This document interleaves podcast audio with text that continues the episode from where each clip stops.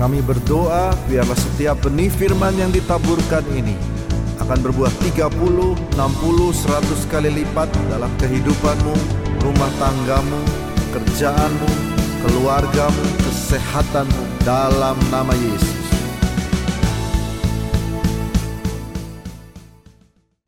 Baik, mari kita masuk uh, pelajaran Holy Spirit. Hari ini hari Pentakosta.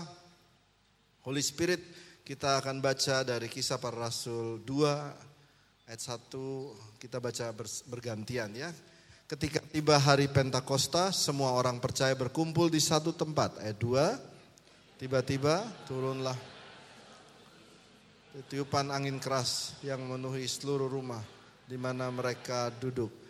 Dan tampaklah kepada mereka lidah-lidah seperti nyala api yang bertebaran dan hingga pada mereka masing-masing. Di sini kita belajar bahwa ada dua simbol Roh Kudus. Yang pertama adalah angin.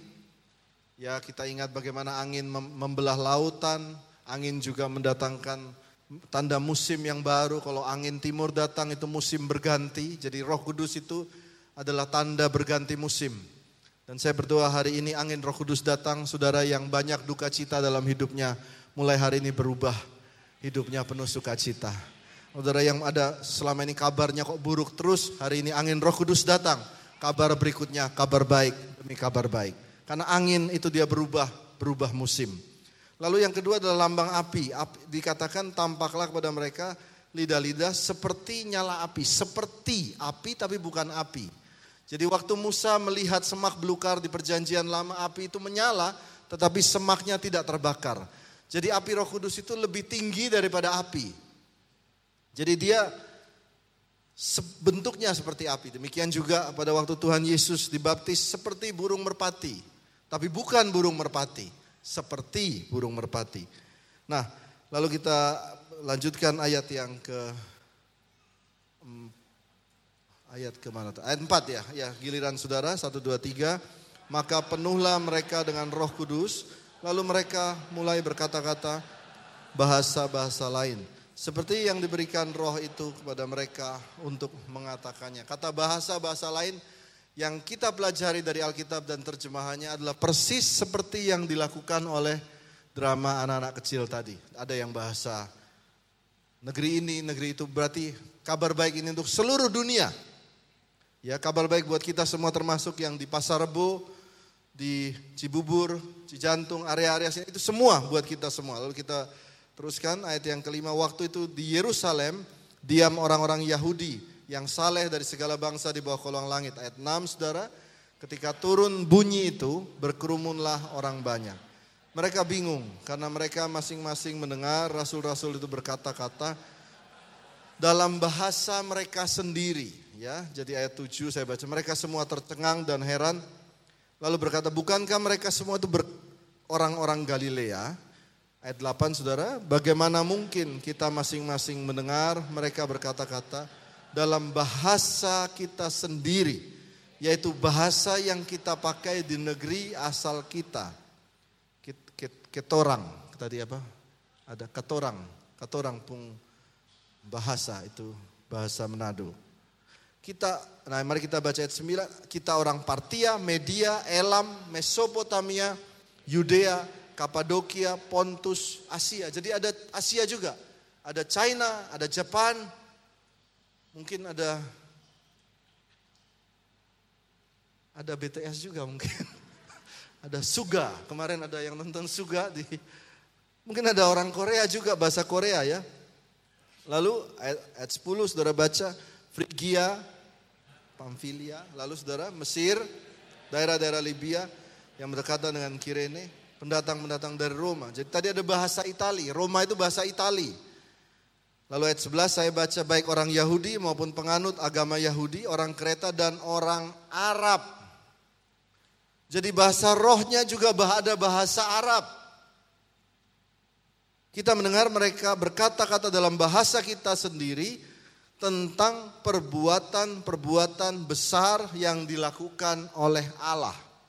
Jadi apa bahasa roh pertama yang keluar di upper room itu adalah bahasa besar perbuatanmu Tuhan. Splendor is your work, Lord. Besar dan ajaib perbuatanmu. Bahasa Inggris, bahasa Chinese, bahasa Batak, bahasa Manado. Semua keluar tentang perbuatan-perbuatan besar yang dilakukan oleh Allah. Nah perhatikan, perhatikan Bapak Ibu. Waktu bahasa lidah itu keluar, dia bukan bahasa lidah yang kenapa ya hidupku sedih ya, kenapa hutangku belum dibayar ya, kenapa aku masih jones, jomblo ngenes ya. Kenapa aku masih kenapa aku masih pakai motor? Tidak ada. Tetapi waktu bahasa lidah itu dikeluarkan adalah bahasa-bahasa yang betapa besar engkau Tuhan. Engkau menciptakan matahari. Engkau membuat yang tidak ada menjadi ada. Engkau mengubah malam menjadi siang. Engkau mengubah beban menjadi berkat. Perkataan-perkataan yang membangun. Katakan amin. Jadi jangan sampai saudara kita semua ditegur pada hari ini. Jangan sampai kita bilang kita dipenuhi roh kudus. Tapi mulut kita penuh dengan bahasa-bahasa yang tidak membangun. Gimana lu keadaannya? Ya zaman begini memang susah ya krisis moneter. Apalagi mau pemilu. Gilu gimana lu pemilu? Nyari temen? Iya ya dagang baksonya sepi. Kamu? Ya sepi. Kamu gimana? Eh, saya juga ini susah, susah. Susah hilang, susah. Terus tetapi bahasa lidah yang diberikan adalah, hei tahukah engkau Tuhan dapat menolong engkau. Betapa besar perbuatannya. Tuhan memelihara kita semua.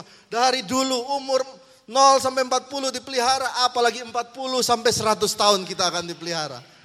Itu bahasa tentang betapa besar pekerjaan Allah. Katakan amin. Baik, kita lanjutkan. Ayat yang ke-12. Saudara baca, mereka semuanya tercengang-cengang dan sangat termangu-mangu sambil berkata seorang pada yang lain. Apakah artinya ini? Ayat 13, tapi orang lain menyindir, mereka sedang mabuk oleh anggur manis. Jadi mirip antara orang yang kepenuhan roh dengan orang yang mabuk anggur manis itu mirip. Orang mabuk biasanya berani nyanyi-nyanyi dan sebagainya. Tetapi orang yang penuh dengan roh kudus, mereka diberikan keberanian untuk mengabarkan Injil. Sekali lagi saya ulangi, untuk mengabarkan in dan berita sukacita. Bukan untuk diri sendiri. Katakan amin. Mari kita lihat karakter apa yang membuat roh itu ada pada kita. Roh itu mau turun kepada orang-orang yang seperti apa? Hari ini kita akan belajar dua poin. Tadi ibadah satu hanya satu poin karena waktu saya berharap hari ini uh, yang siang dapat dua poin. Kisah para Rasul 1 ayat 21 sampai 24 adalah bercerita setelah Tuhan Yesus naik ke surga, 10 hari mereka menanti itu, ada sebuah kisah yang jarang orang baca. Pada waktu mereka menanti itu berkumpullah 12 Rasul Yesus. Ada berapa Rasul Yesus? Coba katakan berapa? 12. Semua belajar ini ada 12 ya. Nah, tetapi ada satu yang mengkhianati Yesus. Namanya siapa? Judas. Judas Iska Judas Iskariot. Namanya Yudas Iskariot. Dia mengkhianati Yesus. Tahukah saudara, pada waktu Yohanes di kitab Wahyu menuliskan bahwa 12 murid ini punya batu masing ada batu yang indah Masing-masing ada tulisannya 12 rasul. Matius, Markus, Lukas, Yohanes, Yakobus. Termasuk Yudas Iskariot. Tetapi Yudas Iskariot berkhianat. Saudara perhatikan, Petrus juga ber berkhianat. Tetapi Petrus mau bertobat. Yudas bunuh diri. Sehingga nama itu diganti. Hari ini saudara yang pernah salah atau berkhianat pada Tuhan. Hari ini saya mau katakan, namamu masih ditulis. Masih ditulis di buku kehidupan.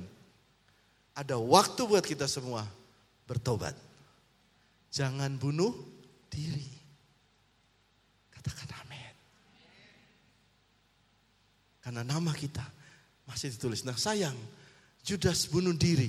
Namanya diganti jadi berkumpullah sebelas orang ini dan mereka berkata, ayo kita ganti yuk orang. Mari kita baca ayat 21, kita baca sama-sama. Kisah Rasul 1 ayat 21. Jadi harus ditambahkan kepada kami seorang dari mereka yang senantiasa datang berkumpul dengan kami selama Tuhan Yesus bersama-sama dengan kami.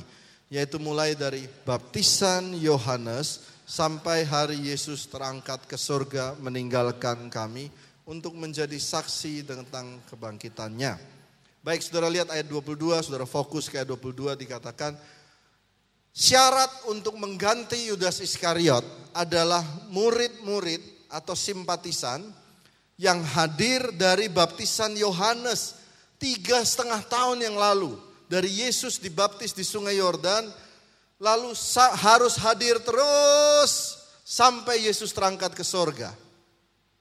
Jadi dua murid ini, lalu kita baca ayat 23, kita baca ayat 23, 1, 2, 3. Lalu mereka mengusulkan dua orang, Yusuf yang disebut Barsabas, yang juga bernama Yustus dan Matias. Jadi dua orang. Yang pertama namanya siapa? Yusuf Barsabas atau Yustus dan Matias.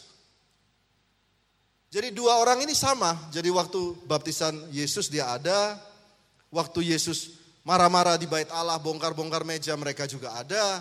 Yesus menyembuhkan orang buta juga dia ada. Waktu Yesus mati mereka lari dari Taman Getsemani ini dua orang ada. Tapi waktu Yesus berkumpul kembali dan dia naik ke surga, dua orang ini ada juga. Mungkin boleh boleh di, di relate sama kita. Dua murid ini ada, doa malam ada, ikut pendalaman Alkitab ada, ikut kelas som iya, jadi aser iya, jadi singer iya, jadi pemain drum iya. Semua tidak ada yang bolong di rumah Tuhan. Setia. Dipilihlah dua orang ini.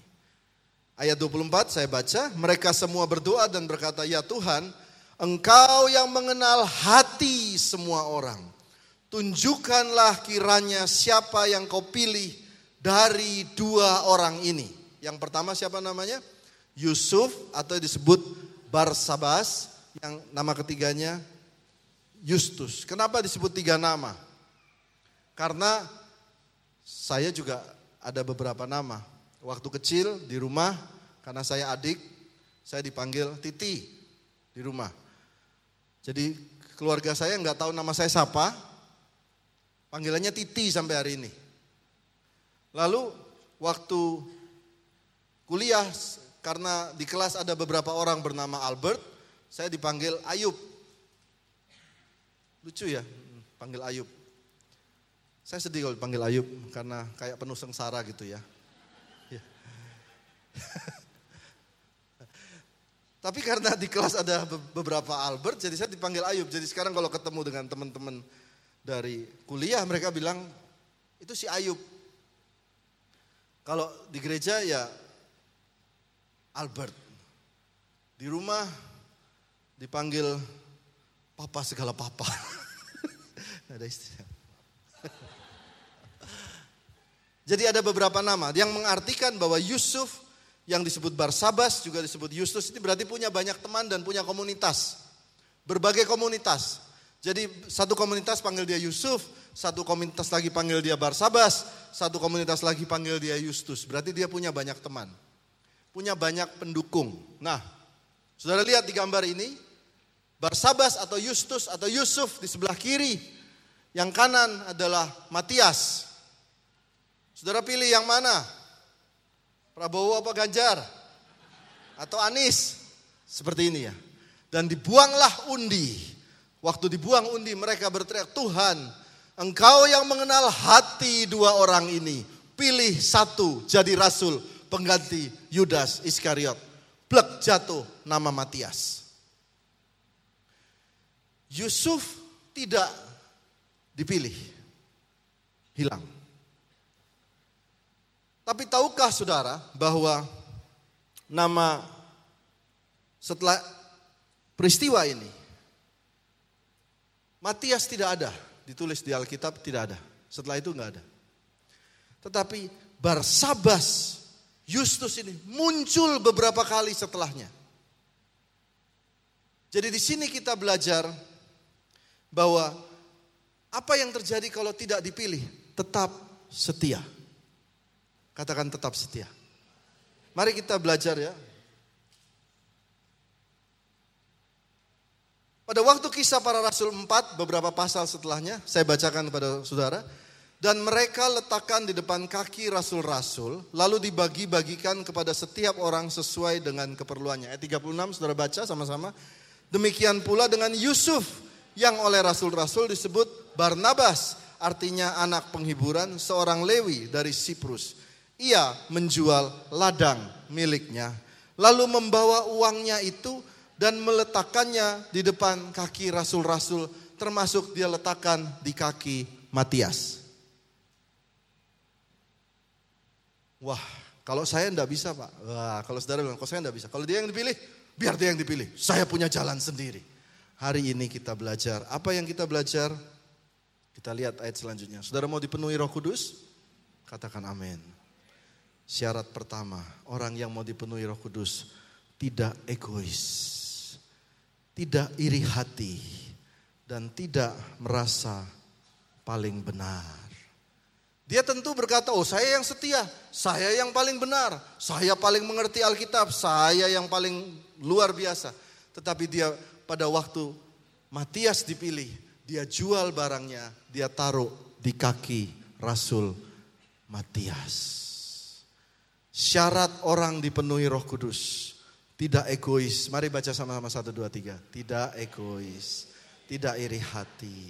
Tidak merasa paling benar di gereja ini nggak ada. Nggak ada. Apalagi di rumah ya. Bapak ibu semua ya. Tidak ada yang merasa paling benar ya. Tidak ada. Amin. Amin. Oke. Istri-istri siapa yang paling benar di rumah? Istri apa suami? Nah, tidak ada jawaban karena semua berkata saya yang benar. Hari ini pas ke gereja JCC Jantung. Mau terima roh kudus harus berkata, kamu yang benar, saya yang salah. Katakan amin. Coba lihat kanan kirinya katakan, sepertinya kamu yang benar. Kayaknya kamu yang benar. Kayaknya saya yang salah. Karena waktu saudara berkata begitu, itu roh kudus mengalir melalui hidup saudara. Mari kita lanjutkan. Ada dua murid yang bersaingan, namanya Yohanes dan Petrus.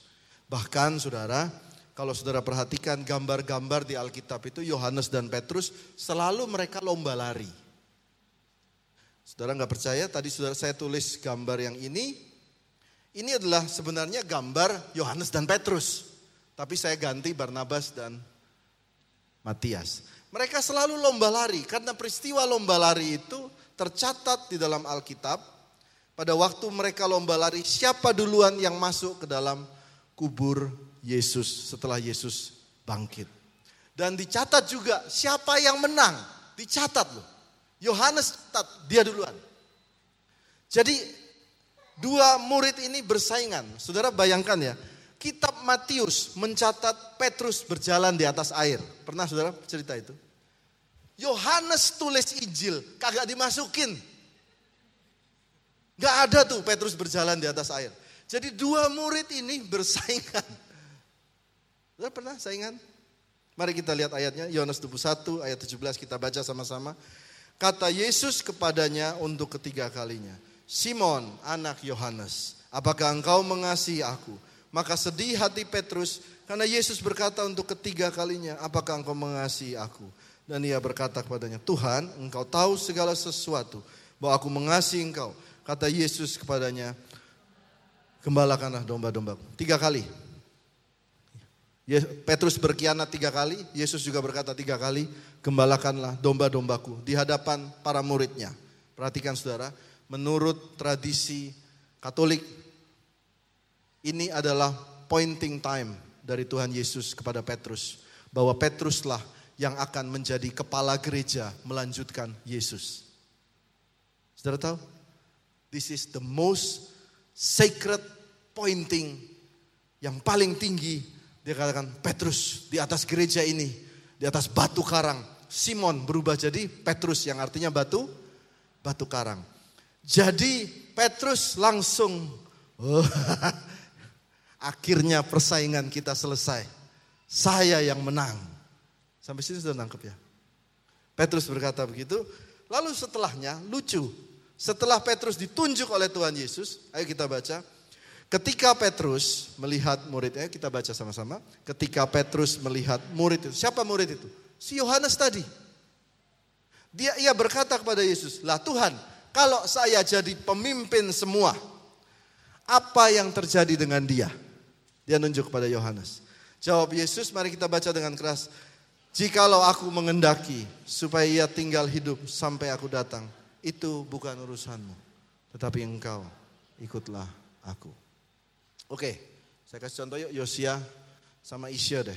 Saya akan kasih contoh supaya jelas. Saudara lihat contoh ini. Oke, Yosia berdiri di sini, Isya berdiri di belakang, belakangnya Yos. Di sini aja di sini. Enggak Isya di sini. Petrus, aku jadi Yesus ya. Petrus, engkau menjadi pemimpin gereja Paus pertama. Katolik mencatat paus pertama saja, Petrus. Paus pertama. You are the leader. Lalu kamu tunjuk dia tanya. Uh, terus dia ngapain Tuhan? Oke. Lalu tunjuk lagi. Uh, dia ngapain ya Tuhan nanti jadinya? Pada waktu dia nunjuk Yesus bilang begini. Baca tadi ayatnya. You follow me. You follow me. Uh, terus dia mana nih Tuhan? Bukan urusanmu.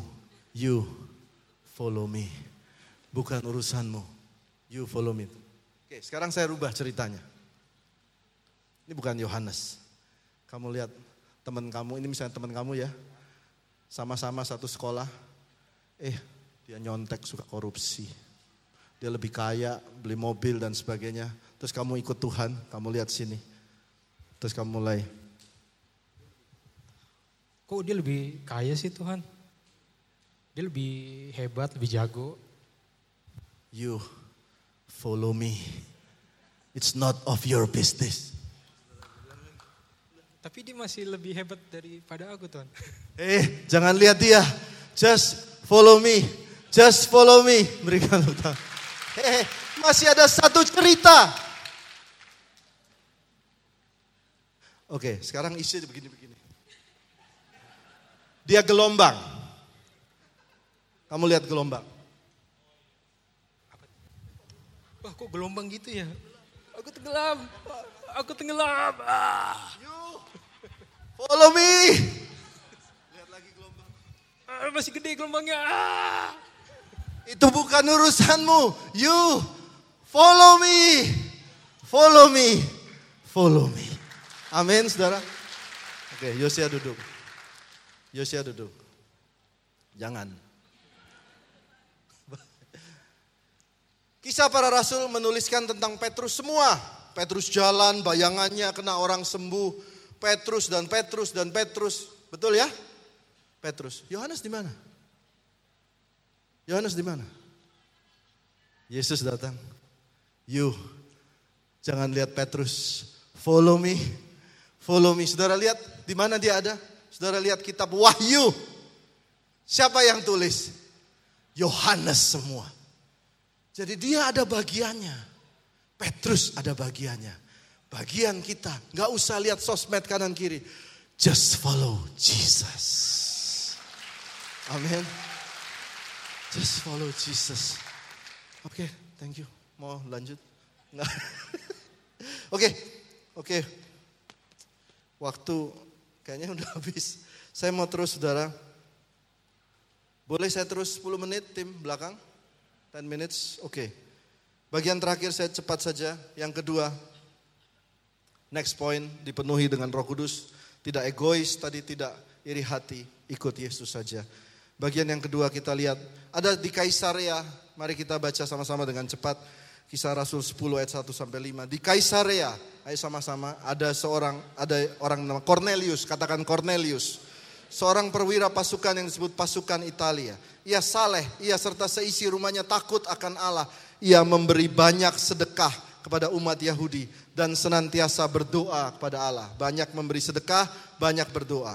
Dalam suatu penglihatan kira-kira jam 3 petang tampak padanya seorang malaikat masuk ke dalam rumahnya. Cornelius, ia menatap malaikat itu. Ini kisah para rasul ya.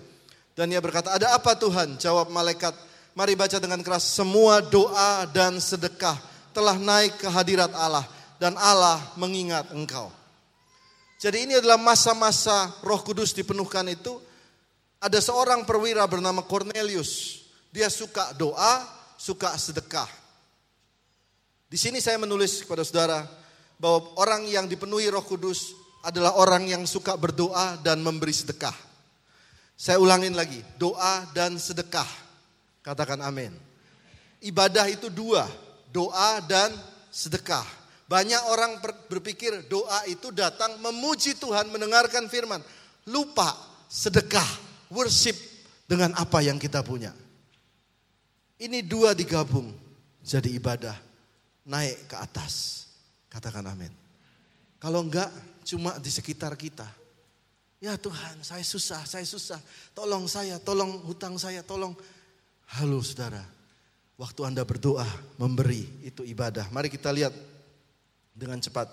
Di Yope ada seorang murid perempuan bernama Tabita. Dalam bahasa Yunani, Dorcas. Ini tentang Petrus. Perempuan itu banyak sekali berbuat baik, memberi sedekah. Tapi pada waktu ia sakit, lalu meninggal. Dan setelah dimandikan, mayatnya dibaringkan ke ruang atas. Dan semua janda-janda menangis karena baju-bajunya janda-janda itu dibuat oleh ibu bernama Tabita ini. Saya tulis di sini, saya undang tim tim musik Lukas 7 ayat 1 sampai 5. Ada seorang perwira menghadap kepada Tuhan, sama perwira Roma. Dia datang kepada Tuhan dan dan dia berkata kepada Tuhan begini. Mari kita lihat ya. Di situ ada seorang perwira punya seorang hamba yang sangat dihargainya. Hamba itu sedang sakit keras. Mari saudara baca ayat 3 ketika perwira itu mendengar tentang Yesus, ia menyuruh beberapa orang tua-tua Yahudi meminta supaya ia datang dan menyembuhkan hambanya. Mereka datang kepada Yesus dan dengan sangat mereka meminta pertolongan. Baca dengan kuat, ia layak engkau tolong. Sebab ia mengasihi bangsa kita dan dialah yang menanggung pembangunan rumah ibadat kami. Maka ditulis heranlah Yesus akan iman dari perwira ini. Heran Yesus, kita biasanya heran sama Tuhan. Tapi Tuhan heran sama perwira ini. Pertama, dia suka memberi, suka sedekah. Yang kedua, kalau kita semua datang kepada Tuhan, ditanya sama Tuhan, kamu mau apa? Maka jawaban kita yang pertama tentunya, saya mau naik pangkat. Saya mau punya tabungan deposito, saya mau sembuh, saya mau ini, saya mau itu. Pasti ini saya mau jadi gubernur, mungkin saya mau jadi presiden. Tapi perwira ini saya mau hambaku sembuh. Wow, Wow, kok bisa?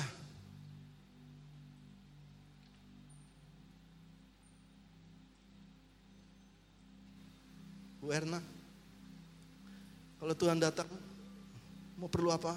Bu Erna pastikan, Tuhan saya punya masalah. Dia bilang, Tuhan tolong. Saya punya tetangga sedang sakit. Rupanya doa dan sedekah membuat kita ini kecil di hadapan Tuhan. Orang yang kecil di hadapan Tuhan baru bisa dipenuhi Roh Kudus. Mari kita lihat. Janda dua peser kecil di hadapan Tuhan. Lazarus dan orang kaya. Lazarus kecil di hadapan Tuhan. Sakeus bahkan Alkitab menggambarkan dia orang yang kecil. Dia datang naik ke pohon dia membawa dirinya kecil di hadapan Tuhan. Tetapi orang muda yang kaya, saudara lihat di gambar kanan bawah, Jesus and the young ruler. Dia berdiri, aku kaya, aku punya jabatan, dan semuanya sambil taruh tangan di pinggang. Dan Yesus berkata, aku tidak masuk ke rumahmu. Yesus masuk ke rumah orang yang kecil di hadapan Tuhan.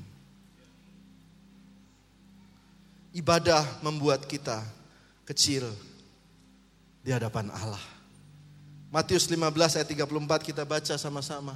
Kata Yesus kepada mereka, berapa roti ada padamu? Tujuh. Jawab mereka, ada lagi beberapa ikan kecil. Dan Tuhan suka pakai orang kecil. Matius 11 ayat 25 pada waktu itu berkatalah Yesus, aku bersyukur kepadamu Bapa Tuhan langit dan bumi engkau sembunyikan semua itu bagi orang bijak, orang hebat, orang pandai. Tetapi hikmat ini engkau sembunyikan dan engkau nyatakan hanya kepada orang ke kecil.